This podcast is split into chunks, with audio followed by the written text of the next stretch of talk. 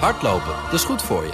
En Nationale Nederlanden helpt je daar graag bij. Bijvoorbeeld met onze digitale NN Running Coach... die antwoord geeft op al je hardloopvragen. Dus, kom ook in beweging. Onze support heb je. Kijk op nn.nl slash hardlopen.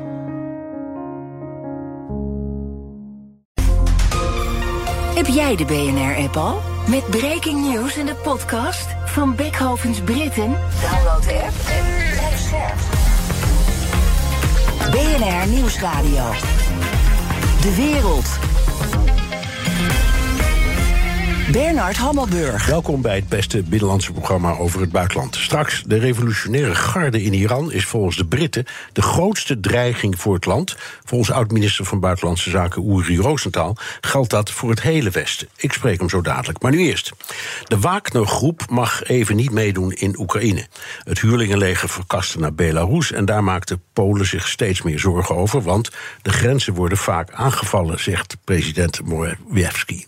Właśnie na naszych granicach, na granicach litewskich, granicach polskich zatrzymują się najróżniejsze hybrydowe ataki, które obserwujemy od dwóch lat. Hij is met name bezorgd over de destabiliserende factor van de aanvallen. Ik praat erover met Pieter Kobelens, voormalig hoofd van de Militaire Inlichting en Veiligheidsdienst, de MIVD. Welkom hier in de studio. Ik zeg maar even vragen, jij kwam binnen net, daar ben ik heel blij mee, met een heel pak studiemateriaal voor mij. Dingen die je had uitgezocht, uitgetekend, kaartjes erbij. Dus we hebben veel materiaal. Dank daarvoor, we gaan er veel over praten. Eerst even over de, de, de, de Wagnergroep. Sinds die muiterij. Um, bivakkeert dat huurlingenleger in Belarus, dachten we. Er zijn nu weer verhalen dat ze misschien toch gaan uh, op weg zijn naar, uh, naar, Rusland. Wat is hier aan de hand, voor zover je weet? Nou, het begint natuurlijk met de rit naar Moskou, waar Prigozhin een, een hele ja, rare rol speelde. Waar twee varianten op zijn. De ene is, het is afgesproken werk met Poetin, zodat hij in zijn verdeel- en heers stijl van regeren kiezen kan tussen zijn topgeneraals uh, bij het ministerie of Prigozhin. Nou ja, de laatste zou vermoord worden, dachten we. Uiteindelijk vinden we hem terug bij een conferentie met Afrikaanse landen. Dus ik neig ernaar dat uh, Poetin dat weet. Uh, daar staat tegenover dat de Wagnergroep uh, natuurlijk uh, haar wapens voor een groot gedeelte heeft in moeten leveren en vertrokken is naar Belarus met dreigende woorden van de minister-president daar dat ze de grens over zouden gaan. En daar begint eigenlijk het grote gevaar. Want moeten we die huurlingen nu beschouwen als, als Russen? Zo ja, dan hebben we in zo'n geval een artikel 5-situatie. En zo nee, ja, wat doen we er tegen? zeker met het idee dat er ook nog grote stromen vluchtelingen bij Polen de grens over zouden gaan. Ja. Dus um, we weten de antwoorden niet, maar we kennen wel de problemen die zich uh, kunnen voordoen. Heb je enige aanwijzing, uh, weet je, iets naders, kan ik maar zeggen, over de rol die ze nu spelen? Want ze zitten natuurlijk ook in Afrika, daar zitten ze al jaren, dus dat is eigenlijk geen nieuws, hè? Nou, ja, we zien wel wat verplaatsen naar, uh, met, met, met name Afrika, want Afrika is nu natuurlijk weer interessant geworden. We hebben niet voor niks die conferentie gehad. Er zijn nog geen, ik heb nog geen directe aanwijzingen gezien dat de Wagner-groep zich formeert om grote activiteiten te laten plaatsvinden richting Polen. Waar we wel ongerust over zijn, is dat kleine, groepje Wagners, kleine groepjes Wagner mensen mee zouden kunnen komen met die vluchtelingenstromen. Het is altijd lastig voor een land om daar nee tegen te zeggen. Maar ja, je ziet dat de Polen toch uh, neigen, of als dat al niet gebeurt, is de grens dicht te gooien. In ieder geval hebben ze heel veel troepen die kant op gebracht om het risico zo klein mogelijk te maken. Dat is namelijk het grote risico, ja. dat er toch Wagner mensen ja. in Polen komen met alle ellende van dien. Ja. Dit jaar zijn er 19.000 vluchtelingen uit Belarus de grens met Polen overgestoken. In heel 2022 waren dat er 16.000. Um, dus, en Polen zegt dat Belarus, Rusland en Rusland doelbewust die vluchtelingen de grens overjagen. Is dat jouw visie ook? Ja, want vluchtelingen zijn. Uh, je weet nog dat de dam uh, werd opgeblazen in de Oekraïne. Dat had enorme stromen vluchtelingen tot gevolg. Dat heeft altijd logistieke consequenties voor de overheid, voor de hulpdiensten. Maar ook de krijgsmacht die daar aan het manoeuvreren is, wordt daar behoorlijk in gehinderd. Dus als jij, als je dat transformeert naar de situatie in Polen, probeert een verdedigende uh, situatie op te bouwen aan de Poolse grens. Ja, dan wordt het natuurlijk dwars gezeten als er grote stromen met vluchtelingen komen. En die kun je, zo merken we ook in ons eigen land, je kunt vluchtelingen niet zomaar weigeren. Het leidt, tot, leidt vaak tot grote instabiliteit in het land waar ze naartoe gaan. Ja. Um, even naar de oorlog zelf. Rusland heeft deze week hard toegeslagen. Uh, met een uh, luchtaanval um, op verschillende plekken. Um, we zien aan het front Oekraïne uh, kleine stukjes winnen. Ik, ik gebruik steeds de wat onaardige term, het millimetert een beetje heen en weer. Althans, als je naar kaart, kaart kijkt. Ehm, kunnen we zeggen dat er eigenlijk twee oorlogen zijn? één langs het front en één door de lucht? Nee, het is hetzelfde. Alleen uh, die door de lucht wordt voor een gedeelte gebruikt uh, als retributie, als, als vergelding door de Russen. Het is meer de vergelding van de droneaanvallen van uh, de Oekraïne, die gewoon de oorlog probeert naar Rusland te brengen. De Russische haven, waar het schip tot zinken is gebracht. De al dan niet geslaagde aanvallen met drones op Moskou. Dat, dat doen ze doelbewust. Uh, daar reageerden de Russen op met weer allerlei uh, doelen die wij niet zo, uh, ja, niet zo vriendelijk vinden om die aan te vallen. Dus ik zie dat daar wel een beetje, een beetje los van. Als je alles bij elkaar optelt, zie je, naar mijn mening, een, een Poetin die zijn uiterste best doet om ervoor te zorgen dat de situatie daar maar zo lang mogelijk door blijft duren. Want we weten alle twee, volgend jaar hebben Amerikaanse verkiezingen. En als Trump aan de macht komt, dan worden de kaarten voor de Oekraïne en voor Rusland mogelijk heel anders. En dan zitten we misschien wel met de gebakken peren. Dus je ziet dat de Poetin er alle baat bij heeft om het zo lang mogelijk aan te laten slepen. En Zelensky, ja, dat offensief, daar kun je heel lang over blijven praten. Ze hebben zo'n 250 vierkante kilometer. En daar wil ik niet badinerend over zijn. Het heeft veel bloedvergieten gekost, teruggewonnen. Maar dat is niet uh, uh, de, de, de, doelstelling om uh, de zaak ten goede te laten keren. Ik, ik, beschouw persoonlijk het offensief als mislukt. En zeker met de herfst in het vooruitschieten. Ja. Of er moet iets wonderlijks gebeuren. Okay. En als je kijkt naar de slagkracht, wat hebben ze en wat hebben ze niet? Aan weerskanten. Nou, de Oekraïne heeft natuurlijk uh, één groot probleem. Ze vechten vanuit militair perspectief voortdurend met één arm op de rug. Want wat ze nu doen met eigen gemaakte drones. Als wij ze de wapens hadden gegeven, uh, dan hadden ze met veel meer precisie die bruggen eruit kunnen halen. Dat, dat, zijn, dat, die, dat zijn die waterdrones, hè? Die, ja, ja, dat zijn, dat, zijn een soort torpedo's, lijken mij dat. Ja, ik heb begrepen dat ze het maken van voormalige waterscooters. Ja, eigenlijk is het een ja. uh, slim op afstand bestuurbaar wapen, maar niet meer dan een bootje waar een ongelofelijke berg in zit. En eigenlijk een wonder dat die Russen dat niet weten tegen te houden. Ja. Oké, en wat nog meer? Want je zegt goed, ze hebben dan die zelfgemaakte, goedkope trouwens, uh, waterdrones. Um, wat hebben ze nog meer en wat hebben ze vooral niet? Nou, wat ze, wat, ze, wat ze hebben, wat heel goed werkt, is luchtverdediging, wat wij ze ter beschikking hebben gesteld. Alleen, als de Russen blijven doorgaan met aanvallen, put dat uit. Je ziet ook dat de Amerikanen van een 200 miljoen dollar daar ook weer, uh, daar zitten weer Patriot-raketten bij, die en, uitermate en, succesvol en, zijn. En net aangekondigd dat vandaag geloof ik dat er twee extra Patriot-batterijen ja, komen. Dat klopt. Dat helpt. Dat helpt zeker. Maar ja, als je naar zo'n groot land kijkt, je kunt dan, je ziet dat Kiev amper wordt aangevallen omdat het zwaar verdedigd is. Bij Odessa is dat wat minder. Uh, het blijft dan toch gebruikt worden, zoals wij dat zeggen, in puntverdediging. En dan heb je heel veel wapens nodig om al je kostbare plekken goed te kunnen beveiligen en te verdedigen. Dus ze hebben de wapens, maar die mogen niet uitgeput raken. Anders dan worden die aanvallen van de Russen door de lucht een stuk uh, succesvoller. Daar staat tegenover, als je naar de Russen kijkt, die, hebben, die gebruiken hun vliegtuigen nauwelijks anders dan dat ze op lange afstand, op grote afstand, lange afstandsraketten afvuren. En daar kunnen de Oekraïners weinig tegen doen, want daar heb je bijvoorbeeld die F-16 voor nodig. Dat, dat hebben ze niet. Wacht even, je kunt met een F-16 geen aanstormende raket uit de lucht halen. Nee, maar, maar je kunt wel het toestel aanvallen. Absoluut. Maar dat, dat zou betekenen dat je een. Nou ja, een luchtgevecht zou krijgen, een ouderwetse dogfight tussen, nee, tussen nee, een Russische nee, jager en een, en Bernard, een door Amerika geleverde jager. Bernard, ja. zo werkt het niet meer. Je bent nog van de Spitfires en ja. uh, met, uh, met het waas voor je ogen achter de hakenkruis aan. Ja, maar, ja, ja, maar ik ben nog nooit verder gekomen dan een e-motoren vliegtuigje, Pieter. Nou, maar dat, dat is een F-16 ook. Dus voor de rest blijft het, het blijft wel een driewieler natuurlijk. Hè, dat zeggen wij altijd badinerend. Nee, maar wat uh, die moderne wapensysteem die de F-16 heeft, die heeft niet alleen de raketten, maar ook de vuurleidingssystemen op grote afstand. Dat noemen ze over de horizon. Dus zonder dat je je vijand echt uh, zelf kan zien. Behalve dan met een radar. Of met behulp van andere radar onder vuur kan nemen. We hebben in Joegoslavië al een keer een demonstratie maar gehad. Met een van onze F-16's. Die hebben ze niet. Nee.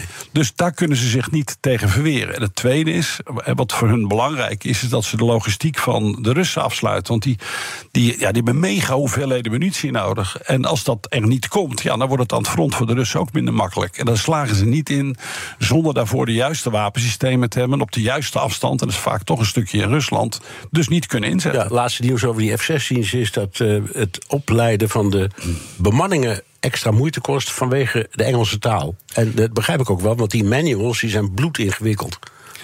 Ja, dat is zo. Uh, maar het gaat met name om het uitlezen van de apparatuur die ze hebben. Ik, dat voorbeeld wat ik net noemde, als je op grote afstand dat soort uh, wapens erin zet, dan moet je wel begrijpen wat die computer tegen je vertelt. Ja. En dan kom je er met uh, wat Oekraïens, allo, allo Engels, kom je daar niet mee weg. Dan moet echt, veel, moet echt wat meer tijd in. Ja, vorige week zat Frans Oziga in jouw stoel hier. En die pleitte voor een no-fly zone in een deel van Oekraïne. Eens?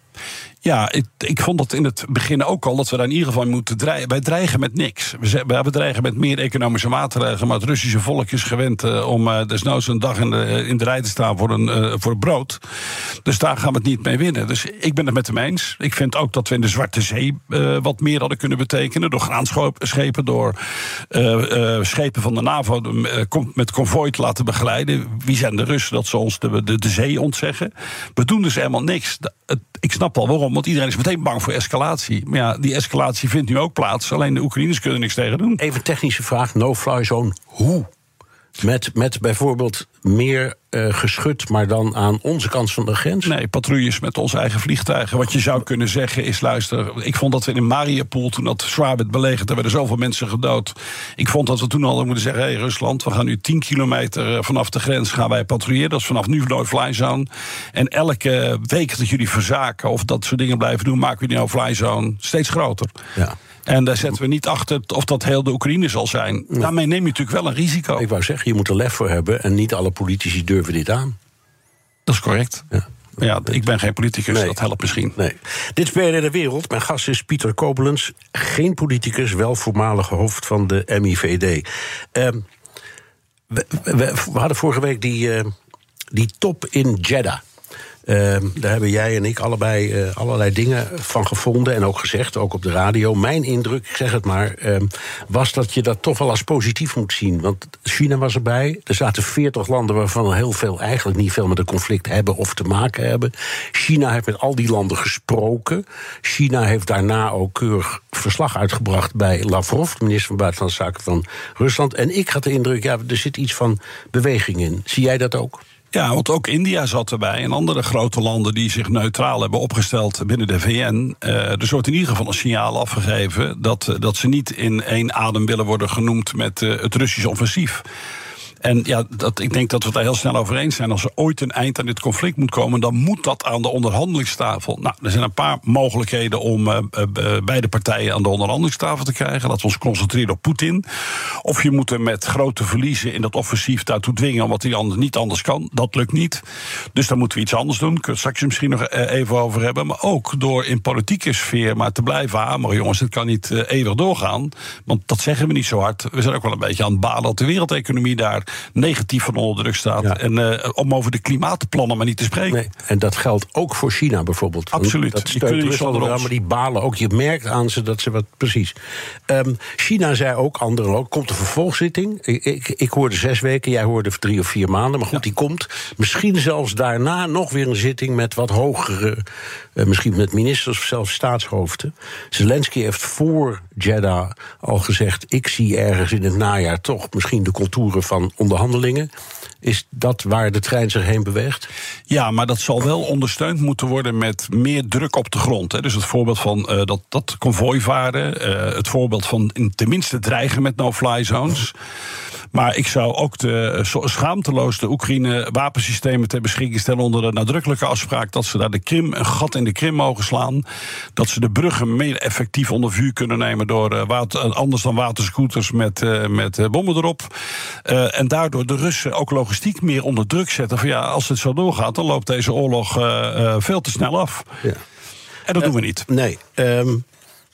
Dus wat is nu de positie die het Westen moet nemen? Want ik, je merkt, ik, uh, inmiddels staat Geert-Jan Haan hier, die, die, komt natuurlijk ook direct in het gesprek, maar wij hebben het daar vaak over. We hebben het gevoel dat Amerika en Duitsland een beetje op de rem staan met alles.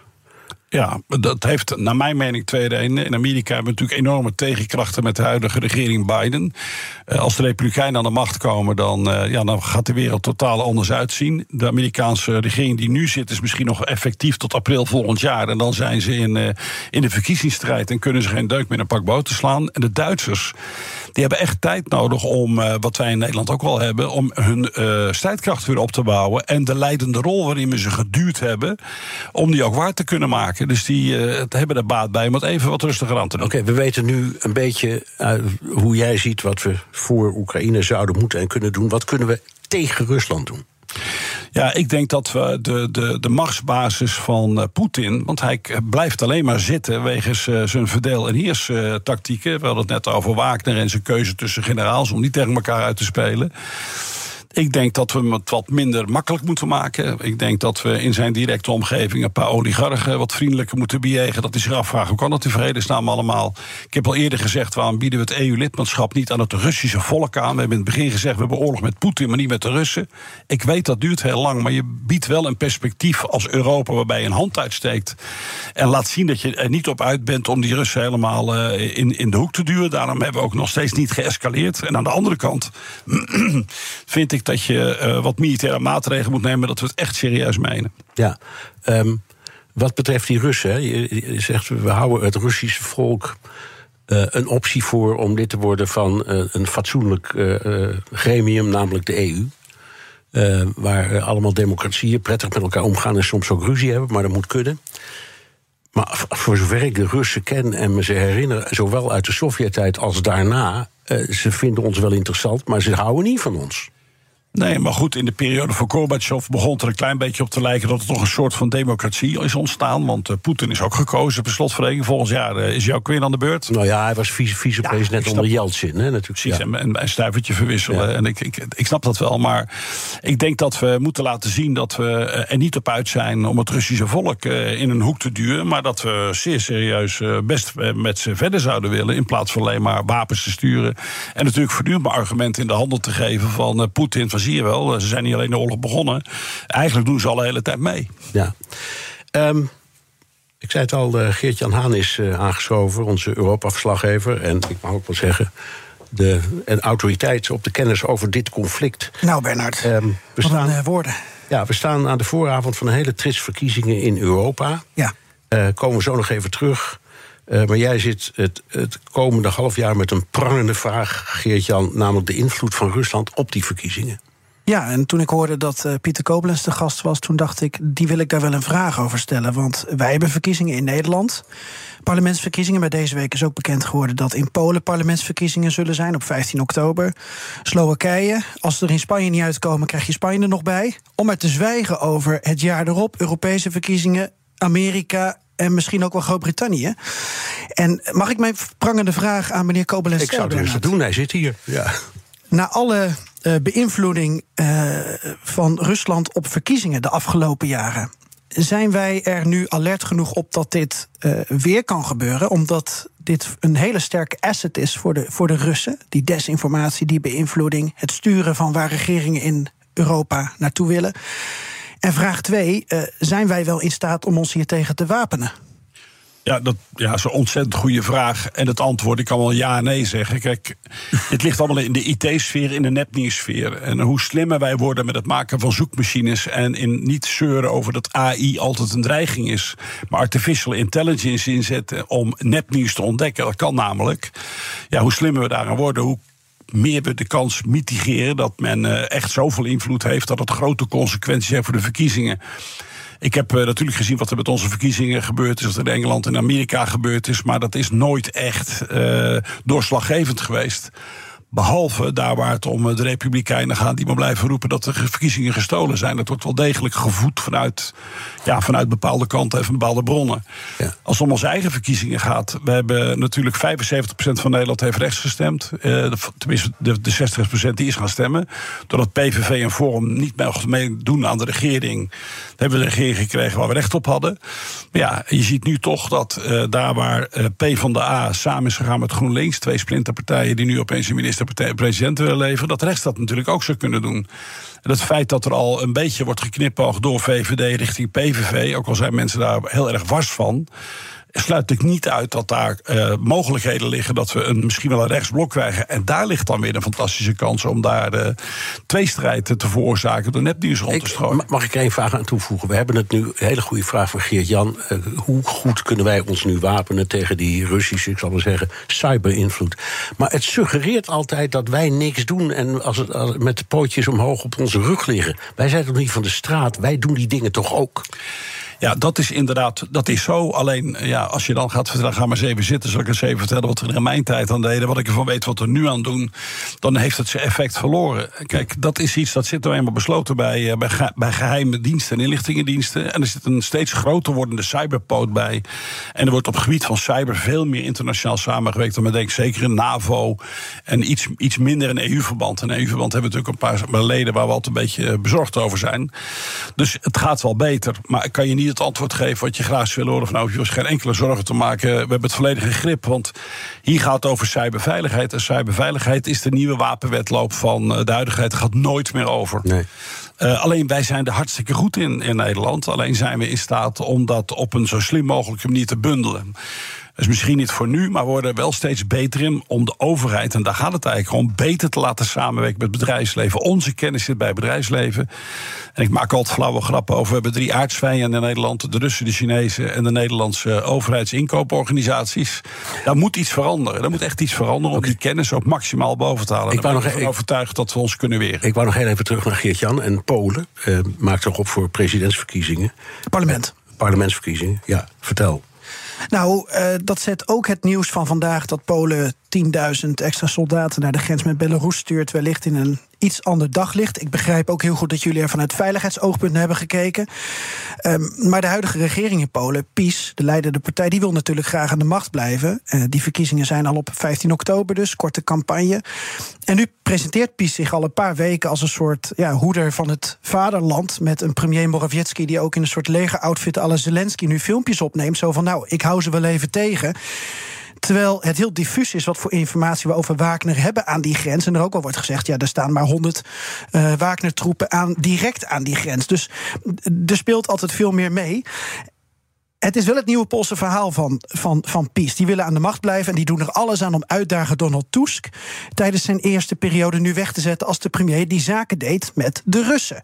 Gasdeals, zoals wij ook met Rutte en Merkel deden. Um, handel door gewandel. Uh, Tusk was uh, van dezelfde partij natuurlijk als, uh, als Merkel. En er is nu zelfs een documentaire serie op de Poolse Staatstv, die heet Reset.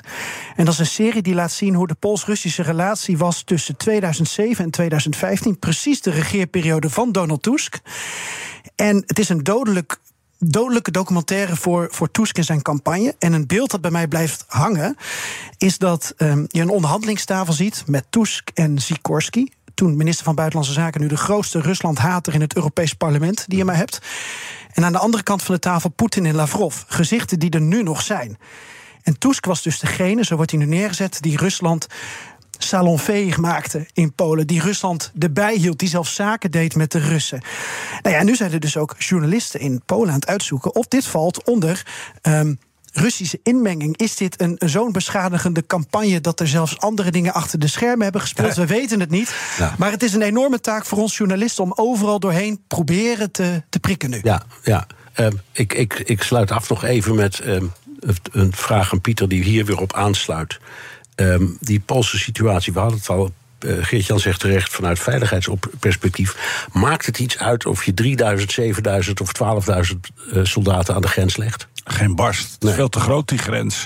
Dus ik kan zijn uh, argumentatie van Jan heel goed, goed volgen. Sterker nog, als je de Wagner-rapportages leest dan zie je dat die uh, een beetje omhoog worden gespind, met name aan Poolse zijde. Dat ben ik met hem eens, want we hebben het niet over duizenden, maar een paar honderd. We hebben nu berichten, ik kan ze niet bevestigd krijgen, dat ze met bussen worden afgevoerd naar Rusland. Wat ik weer begrijp, want Poetin heeft natuurlijk geen baat bij om. Wij hebben het altijd over escalatie, maar Poetin heeft er uh, momenteel, die kan de Oekraïne niet eens de baas. Heeft er ook geen baat dus bij. voor de duidelijkheid, hij haalt ze terug naar Rusland om, omwille van rust. Ik denk het wel. Ja. Maar dat is een, uh, wat Pieter Komelens ervan vindt. Dus dat is, kan ik niet verder staven met allerlei feiten. Maar dat daar goed getrainde eenheden op één kazerne zich, uh, nadat ze hun grote wapens hebben ingeleverd, klaarstaan te maken om Polen te, binnen, te vallen, dat is absolute onzin. Maar dat ze heimelijk proberen binnen te komen, ja, dat is iets dat gevaar loop je natuurlijk altijd. Maar uh, ik ben het met Giet-Jan, ik had er nog niet zo tegen aangekeken. Dat, ja, het is net als in Rusland. Hè, als het eh, thuis niet goed gaat, dan begin je met een grote vijand buiten. En dan sluit iedereen zich eh, de rijen achter zich. Dus dat is een tactiek die zich bewezen heeft. Ja, eh, heel kort nog, Bernard, waar wij het ook veel over hebben gehad. Want ik was in Litouwen voor de NAVO-top en heb toen ook met uh, Litouwers gesproken. In Litouwen, maar ook in Polen vergeten ze soms dat ze al lid zijn van de NAVO. En dat ze die paraplu al hebben. Ja, dank Europa-verslaggever Geert-Jan Haan. En dank Pieter Koblenz, voormalig hoofd van de MIVD... ook voor het meebrengen van het dossier dat Geert-Jan en ik zo dadelijk gaan verslinden. Graag gedaan. Business Booster. Hey ondernemer, KPN heeft nu Business Boosters. Deals die jouw bedrijf echt vooruit helpen. Zoals nu, zakelijk tv en internet, inclusief narrowcasting... de eerste 9 maanden voor maar 30 euro per maand. Beleef het EK samen met je klanten in de hoogste kwaliteit. Kijk op kpn.com slash businessbooster. Business Booster. Hardlopen, dat is goed voor je. En Nationale Nederlanden helpt je daar graag bij. Bijvoorbeeld met onze digitale NN Running Coach... die antwoord geeft op al je hardloopvragen. Dus, kom ook in beweging. Onze support heb je. Kijk op nn.nl slash hardlopen.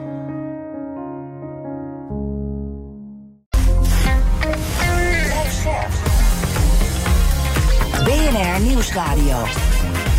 De wereld.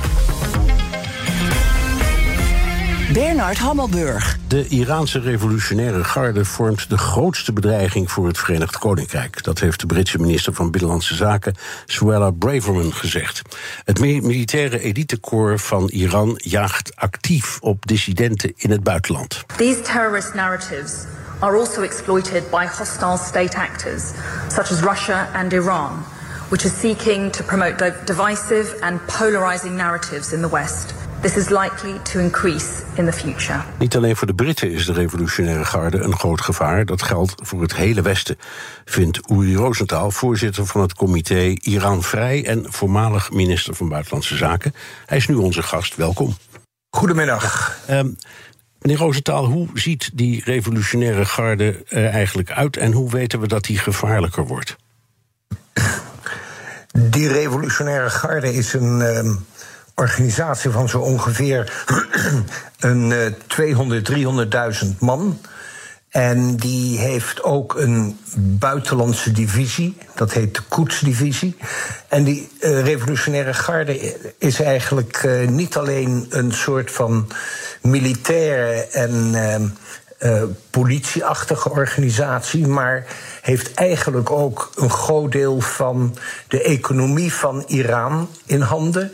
En ook de economische belangen van Iran in het buitenland, uh, onroerend goed en al dat soort dingen meer, zijn in feite ook in handen van die revolutionaire garde. De revolutionaire garde is, gaat ook zo ver nu dat wanneer het bijvoorbeeld gaat om de vloot van Iran, dan praat men daar ook openlijk in uh, Iran over de vloot van de revolutionaire garde.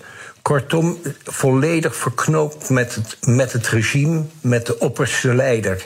En je mag eigenlijk wel zeggen dat na die opperste leider, de nummer één van de revolutionaire garde, meneer Salami, zo ongeveer de machtigste man van uh, Iran is. Ja, en uh, nou uh, horen we van u en van andere mensen die zich druk maken over deze kwestie ook, dat ze tentakels hebben eigenlijk in de hele wereld. Hoe zit dat?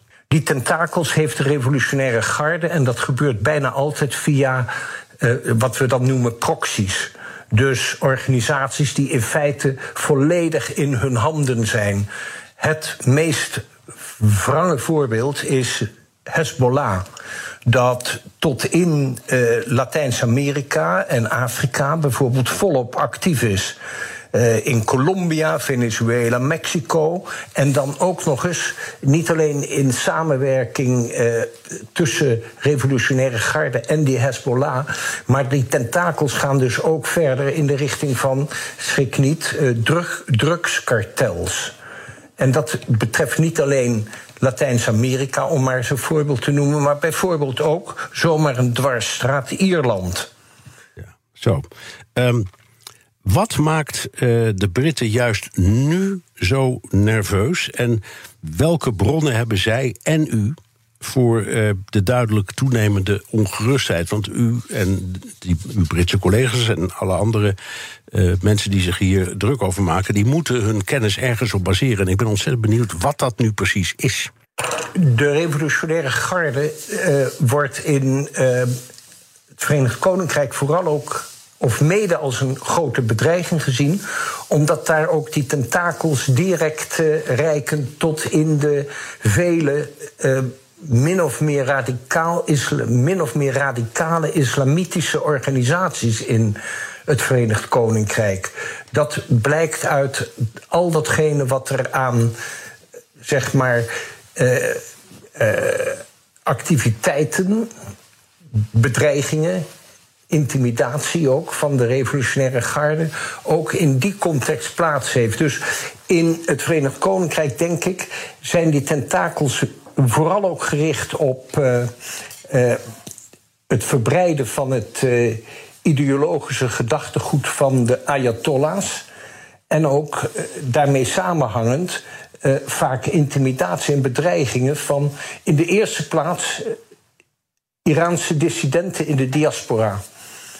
En ik mag eraan toevoegen dat, hoewel dat punt in Nederland bijvoorbeeld wat minder aan de orde is, eh, bedreigingen en intimidatie van Nederlands-Iraanse personen die zich tegen het regime verzetten, ook wel degelijk aan de orde zijn. En ik hoef niet uh, terug te gaan naar uh, het recente verleden.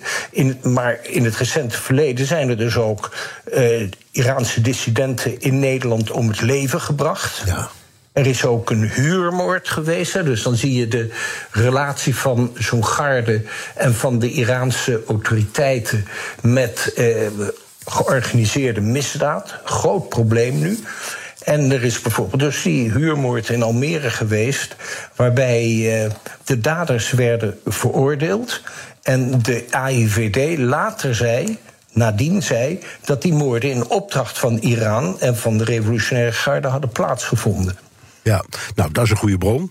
Um, het totale beeld, laat ik zeggen, van de infiltratie of de samenwerking met wat u noemt drugs, drugskartels en dat soort kwesties. De invloed in alle mogelijke landen waar ze actief zijn. Um, ik, ik, ik ben zo ontzettend benieuwd waar de, de kennis vandaan komt. Het, verhaal over Nederland is duidelijk. Hè? Dat de AIVD heeft dat bevestigd, dus we weten dat dat wel zal kloppen. Maar hoe weten we dat de rest van het verhaal is zoals we denken? Daar zijn verschillende bronnen voor.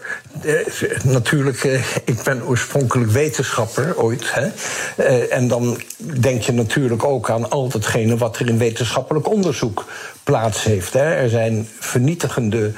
Uh, goed gedocumenteerde boeken geschreven, bijvoorbeeld over de relatie tussen de revolutionaire garde en uh, Hezbollah en de drugskartels. Uh, los daarvan zijn de inlichtingendiensten natuurlijk volop bezig. En bovendien hebben we als een derde bron de dissidenten in de diaspora. En toch ook gelukkig dat is toch nog altijd mogelijk. De informatie die er uit Iran zelf komt en ook vanuit uh, uh, allerlei landen waar men volop ook met deze problematiek wordt geconfronteerd. Ja. Uh, wat wil de revolutionaire garde? Wat is de strategie? Mag ik het verbinden met uh, wat zich uh, afgelopen jaar vooral heeft voorgedaan en waar we nu ongeveer een jaar uh, na dato zitten? De moord op een mevrouw, op een meisje dat hijab niet wilde dragen. En vervolgens waren er dus die enorme demonstraties, die gaan nog altijd door. Iran ziet nu gebeuren dat we één jaar na dato zijn. En trekt dus de teugels hard aan in Iran zelf. Maar tegelijkertijd, waar Iran dus op allerlei fronten lijkt het in de verdediging zit en in de hoek gedrukt wordt, is Iran onderwijl bezig zelf met een enorm diplomatiek offensief. Ze laten zich militair ook gelden. Ze zijn economisch, financieel volop bezig. En waar we het eerder over hadden, waar het de Verenigd Koninkrijk betreft, ook nog langs de ideologische lijn met het, met het proberen achter zich te krijgen van radicaal-islamitische groeperingen. En als ik bijvoorbeeld kijk naar het diplomatieke offensief, meneer Hammelburg, dan is het zo dat uh, Iran, eh, zonder dat het erg is opgemerkt in onze contraien, bijvoorbeeld een uh, defensieakkoord heeft gesloten, he, diplomatiek en militair met Wit-Rusland. Dat Iran. Eh, dat de pers in Iran jubelt op het ogenblik over de voortreffelijke en steeds voortreffelijke relaties met een land als Servië. Kortom, ze, ze dringen door nu naar de grenzen van zeg maar, de Europese Unie ja. en eh, de NAVO. Als we en een ouderwets beeld even, uh, meneer Roosendaal, gebruiken... Uh, de geallieerden de Tweede Wereldoorlog. Kun je dan zeggen dat nu, uh, als je kijkt naar Iran en Syrië en Libanon en, en in Irak... Um, en nou ja, ook Wit-Rusland, Rusland zelf... dat je het een soort as-naties ziet ontstaan... Ik vrees dat dat wel het geval is. Uh, uh, we hebben op een gegeven moment hebben we dus, uh, dat herinneren we ons allemaal natuurlijk, George Bush gezien die het had over de as van het kwaad. Ja. Ehm, als ik kijk naar de landen waar, waar we het nu over hebben, Rusland, Wit-Rusland, inderdaad Syrië, Iran dan zijn dat toch regimes die we liever niet uh, zouden willen overnemen. Hè? En, en, in, ons, in ons gedachtegoed en in wat er nee, gebeurt. Dat klopt. En uh, hij werd toen van alle kanten uitgelachen. Hè, dat moeten we erbij zeggen. Oh, hè, we vonden dat allemaal maar oorlogszuchtige taal. Maar misschien had hij gewoon een vooruitziende blik. Dat kan ook. Ja, en, en, en als we die as waar u het over heeft dan uh, zo uh, even uh, positioneren, dan kunnen we daar ook nog tegen aanzetten dat die as ook weer, als, als, als u het toch al had over tentakels, zijn tentakels ook weer probeert uit te spreiden naar, ik noem maar wat, de BRICS. Hè? de Brazilië en dan ook India en China en Zuid-Afrika. En het interessante is dat Rusland nu heftige pogingen doet om Iran ook toe te laten tot dat gezelschap van, uh, van landen die in feite ook voor een deel uh, de Global South vertegenwoordigen. Ja. Uh, dus uh, het, het, blijft niet alleen bij die, bij die landen die we nu hebben benoemd. Overigens vergeten we bijna nog Noord-Korea te noemen. Hè?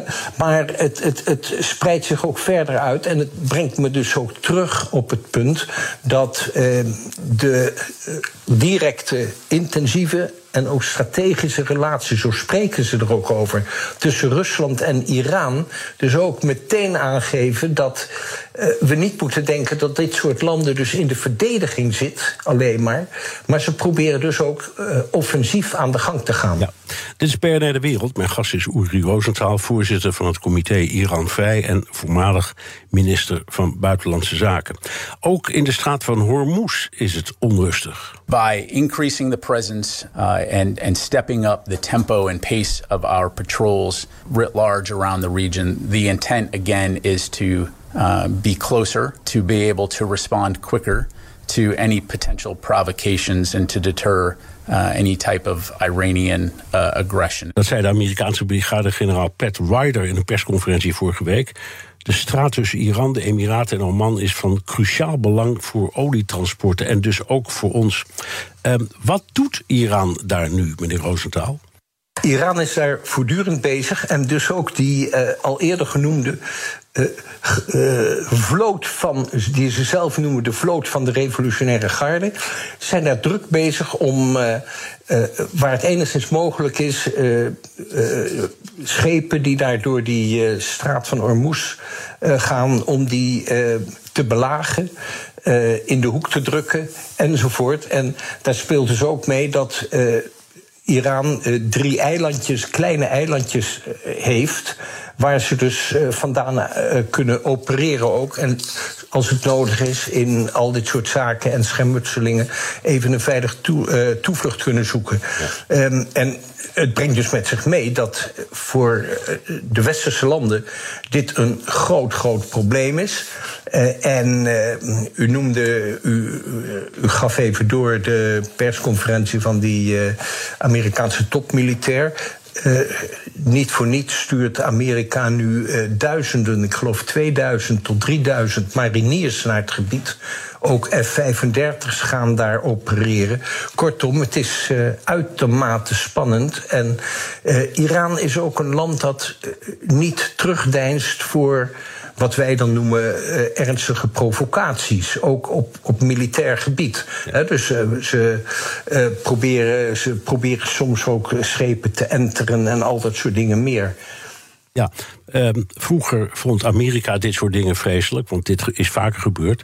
Maar Amerika vindt het minder erg, want hier, er komt bijna geen olie meer uit dat gebied naar Amerika, maar wel naar ons. Hoe afhankelijk zijn wij bijvoorbeeld in Nederland van wat er door de straat van uh, wordt aangevoerd? We zijn daar zeer afhankelijk van. En uh, dat is dus ook een van de, van de, van de grote problemen. Dat uh, die aanvoerroutes van, van olie en ook van andere strategische goederen. die we hard nodig hebben. dat die dus voortdurend dus, en route zijn. langs kusten waar landen liggen. die anders over, over het soort van zaken denken. dan wij hier in het Vrije Westen. vergeet niet dat we te maken hebben met, met de golfstaten. Um, daar hoeven we natuurlijk op in zekere zin niet al te bezorgd over te zijn. Maar dat dat echt een puur stabiel uh, uh, deel van de wereld is, is ook te veel gezegd. Hè? Ja. Het was nog kort geleden zo dat bijvoorbeeld in dat gebied uh, er scherpe tegenstellingen bestonden tussen aan de ene kant Saoedi-Arabië en aan de andere kant Qatar. dan hebben we nog Oman, dat een, dat een wat rustige rol speelt. Maar nogmaals, die route loopt langs landen die in elk geval niet een stabiele uh, democratie kennen zoals wij. Ja. En mag ik er nou even heel kort aan toevoegen dat, uh, hoewel we dat niet moeten overdrijven, dat, dat benadruk, benadruk ik dan maar, we moeten het niet overdrijven, maar uh, toch ook de relaties tussen Iran en Saoedi-Arabië zijn bijvoorbeeld wat, wat beter dan ze tientallen jaren zijn geweest. Ja, door Chinese ingreep trouwens, was ook interessant. Even, even over, Zeker. in de laatste minuten die we hebben, even over uw comité. We hebben het er al vaker over gehad. Um, u uh, hebt, hebt contact ongetwijfeld ook in het buitenland. Wat is de doelstelling van het comité? Het comité stelt zich ten doel om, uh, als het enigszins kan, uh, de dissidenten uh, in en de opponenten in Iran en daarbuiten een hart onder de riem te steken en te steunen in alle mogelijke, op alle mogelijke manieren. Maar als ik het dan concretiseer, wij pressen continu, meneer Hammelburg, op het plaatsen van de revolutionaire garde op de lijst van terroristische organisaties door de Europese Unie. Ja.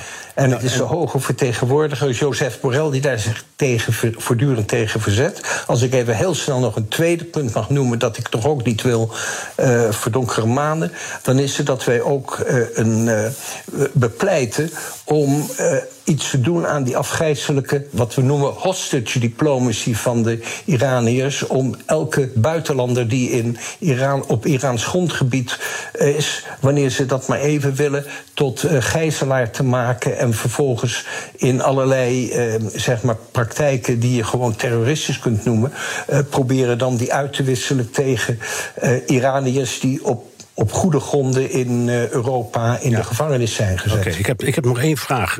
Een van uw doelstellingen is ook dat de revolutionaire garde uh, als terroristische organisatie wordt aangemerkt. De Amerikanen hebben dat in 2019 al gedaan. En de Senaatscommissie van Buitenlandse Zaken heeft zelfs een boze brief gestuurd naar Borrell, pas geleden, ik geloof in juni. Waarom gebeurt er maar niks?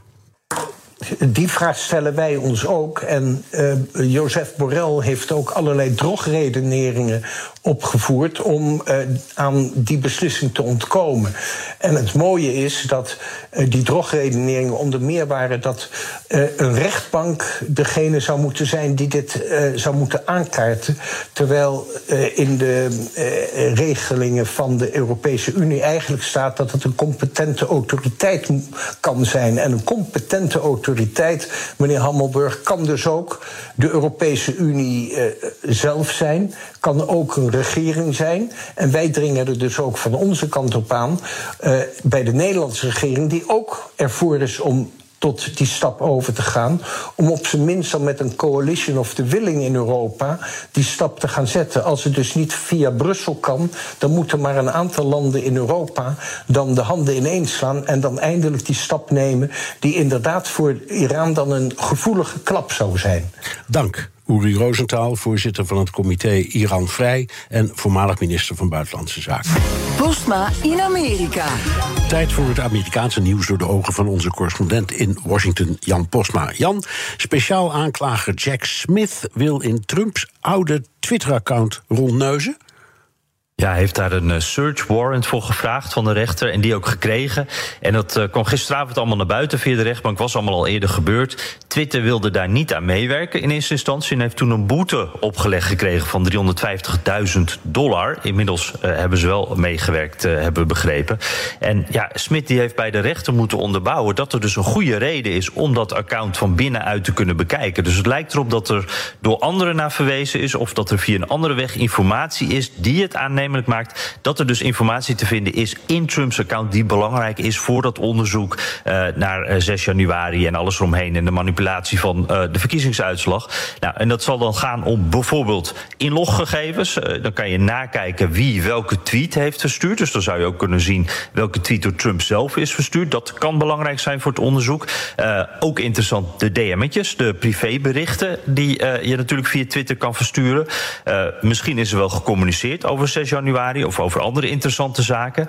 En er zouden ook nog drafts in het account kunnen staan. Uh, tweets die zijn opgesteld, maar niet verstuurd uiteindelijk. En daar zou misschien ook nog wat uh, informatie in kunnen staan. Of in ieder geval het gevoel van het moment kunnen weergeven. Uh, dus ja, dat zouden we allemaal wel even willen doen natuurlijk. Daardoorheen zoeken in, in, in Trumps persoonlijke account.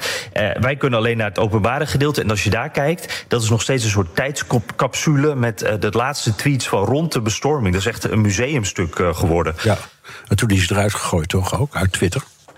Ja, precies. Toen ja. hield het op. En hij mocht weer terugkomen, maar hij is nooit teruggekomen. Nee. Dus het zijn nog steeds die oude tweets. Jan, Mike Pence blijft ook in de aandacht vanwege zijn rol op 6 januari 2021. Ja, natuurlijk eh, nog steeds heel veel speculatie over wat hij dan kan vertellen als hij zou getuigen tegen Trump in diezelfde zaak. Uh, hij zegt daarbij: ja, ik sta ervoor open en ik volg de wet. Dus het is niet echt een enthousiaste ja, maar uiteindelijk zal hij zich ook niet verzetten als hij wordt opgeroepen, zo lijkt het. En ja, hij blijft in die rare spagaat zitten dat hij Trump wel wat kritischer benadert, maar ook wel heel voorzichtig blijft. En, en daar is een reden voor. Uh, zo wordt hij namelijk ontvangen bij een campagnebijeenkomst. Uh, dit is buiten op de parkeerplaats.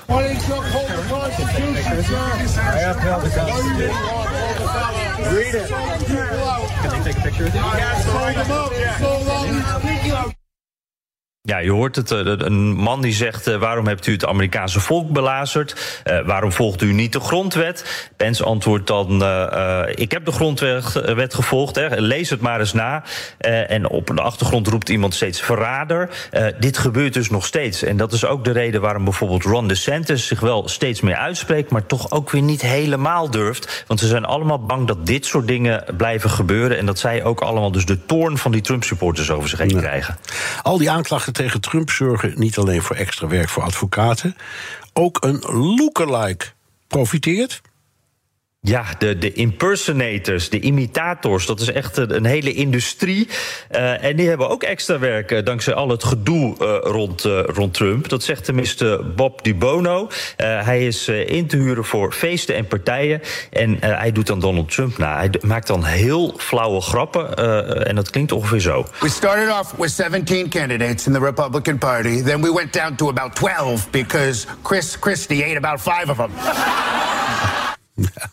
Ja, hele flauwe grap natuurlijk. Het klinkt op zich best aardig, moet ik zeggen, hoe hij het doet. En wat ik wel weer grappig vond aan dit fragment... dit is van de vorige primaries, uh, vier jaar geleden dus. Maar het is weer helemaal actueel, want op dit moment zijn Trump en Chris Christie... die een beetje uh, wat forser is, hè, uh, die zijn weer flink ruzie aan het maken... en het gaat weer om, om de omvang van Chris Christie. Dus er is in vier jaar niet zoveel veranderd. Um, en ja, uh, hij zegt dus, deze uh, Bono, dat hij uh, sinds de aanklachten weer meer boekingen krijgt. Het was eventjes wat rustiger na 6 januari en, en, en dat hele verhaal. en nu zijn het vooral Trump-supporters die hem boeken. Want ja, die willen toch wel weer hun held eigenlijk, eigenlijk zien. Uh, en uh, ja, dus normaal gesproken neemt het allemaal wat af. Hè. Dan gaat de president die, die verdwijnt dan van het toneel en dan ben je als uh, impersonator zit je zonder werk. Maar ja, op dit moment is het drukker dan ooit rond Trump en dus ook bij Bob. It's interesting because there is such a wave. People miss him. And people want him back so badly that when he wasn't in the public eye, it was like get Bob DeBono to show up because we want to celebrate him. Ja, dat vond ik toch wel een opvallend. Want je hoort altijd wel ook van dat veel mensen nog achter Trump staan, veel Republikeinen. Maar dus ook voor al uw trouwerijen, feesten en partijen. En ja, hij zegt echt letterlijk: hoe groter de problemen van Trump, hoe beter het met mij gaat. Hij heeft nu drie optredens per week. Uh, hij gaat alle feestjes af. Hij doet ook fundraisers, dus ook geld ophalen voor bijvoorbeeld de Republikeinse Partij. Uh, misschien ook wel voor de Democraten trouwens. Uh, en, wat ik ook wel grappig vond, hij heeft dus naast een best goede Donald Trump, heeft hij ook nog een heel goede Bill Clinton. Dus hij doet overal alles opportunistisch waar hij maar het meeste geld. Maar het wel geweldig, vind ik zoiets. Ja, um, het, het laat overigens wel heel veel zien over de onvoorstelbare populariteit van Trump. Hè. We hebben vaak, zeker in het buitenland, geen notie van hoe enorm dat is. Nee, precies. En dat vind ik hier dus ook wel interessant aan. Want we horen die cijfertjes wel van... oh, in de peilingen doet hij het nog steeds goed. En, en hoe zit dat dan? Maar daar zit dus echt gevoel achter. En er zijn dus echt mensen die denken van... oh, mijn vrouw is jarig. Uh, ik wil ja. een, een, Trump op dat verjaardagsfeestje. En dan komt deze man dus langs. En, en, dan is het ook een feestje. En dan komt Bob. Dankjewel, Jan Postma, correspondent in Washington. Wilt u meer horen over dat fascinerende land? Luister dan naar de Amerika-podcast van Jan en mij. En tot zover BNR De Wereld. Terugluisteren kan via de site, de app, Spotify of Apple Podcast. Reageren kan via een mailtje naar dewereld.bnr.nl. Tot volgende week. Hardlopen, dat is goed voor je. En Nationale Nederlanden helpt je daar graag bij. Bijvoorbeeld met onze digitale NN Running Coach... die antwoord geeft op al je hardloopvragen. Dus, kom ook in beweging. Onze support heb je. Kijk op nn.nl slash hardlopen.